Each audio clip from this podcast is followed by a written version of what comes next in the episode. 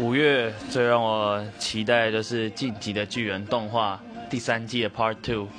那这一季它演到一个剧情的高潮，就是一个最终决战。像上个礼拜最新的一集就是兵长砍猴，大家万众期待的一个桥段。那这一这个动画这一季就是礼拜天的凌晨，就礼拜一的凌晨才更新，所以为为了追这一部。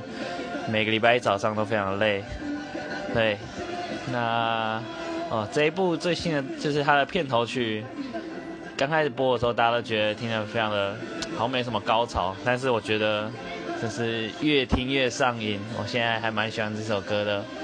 那《进击的巨人》真的很好看，推荐大家去看。就这样啦。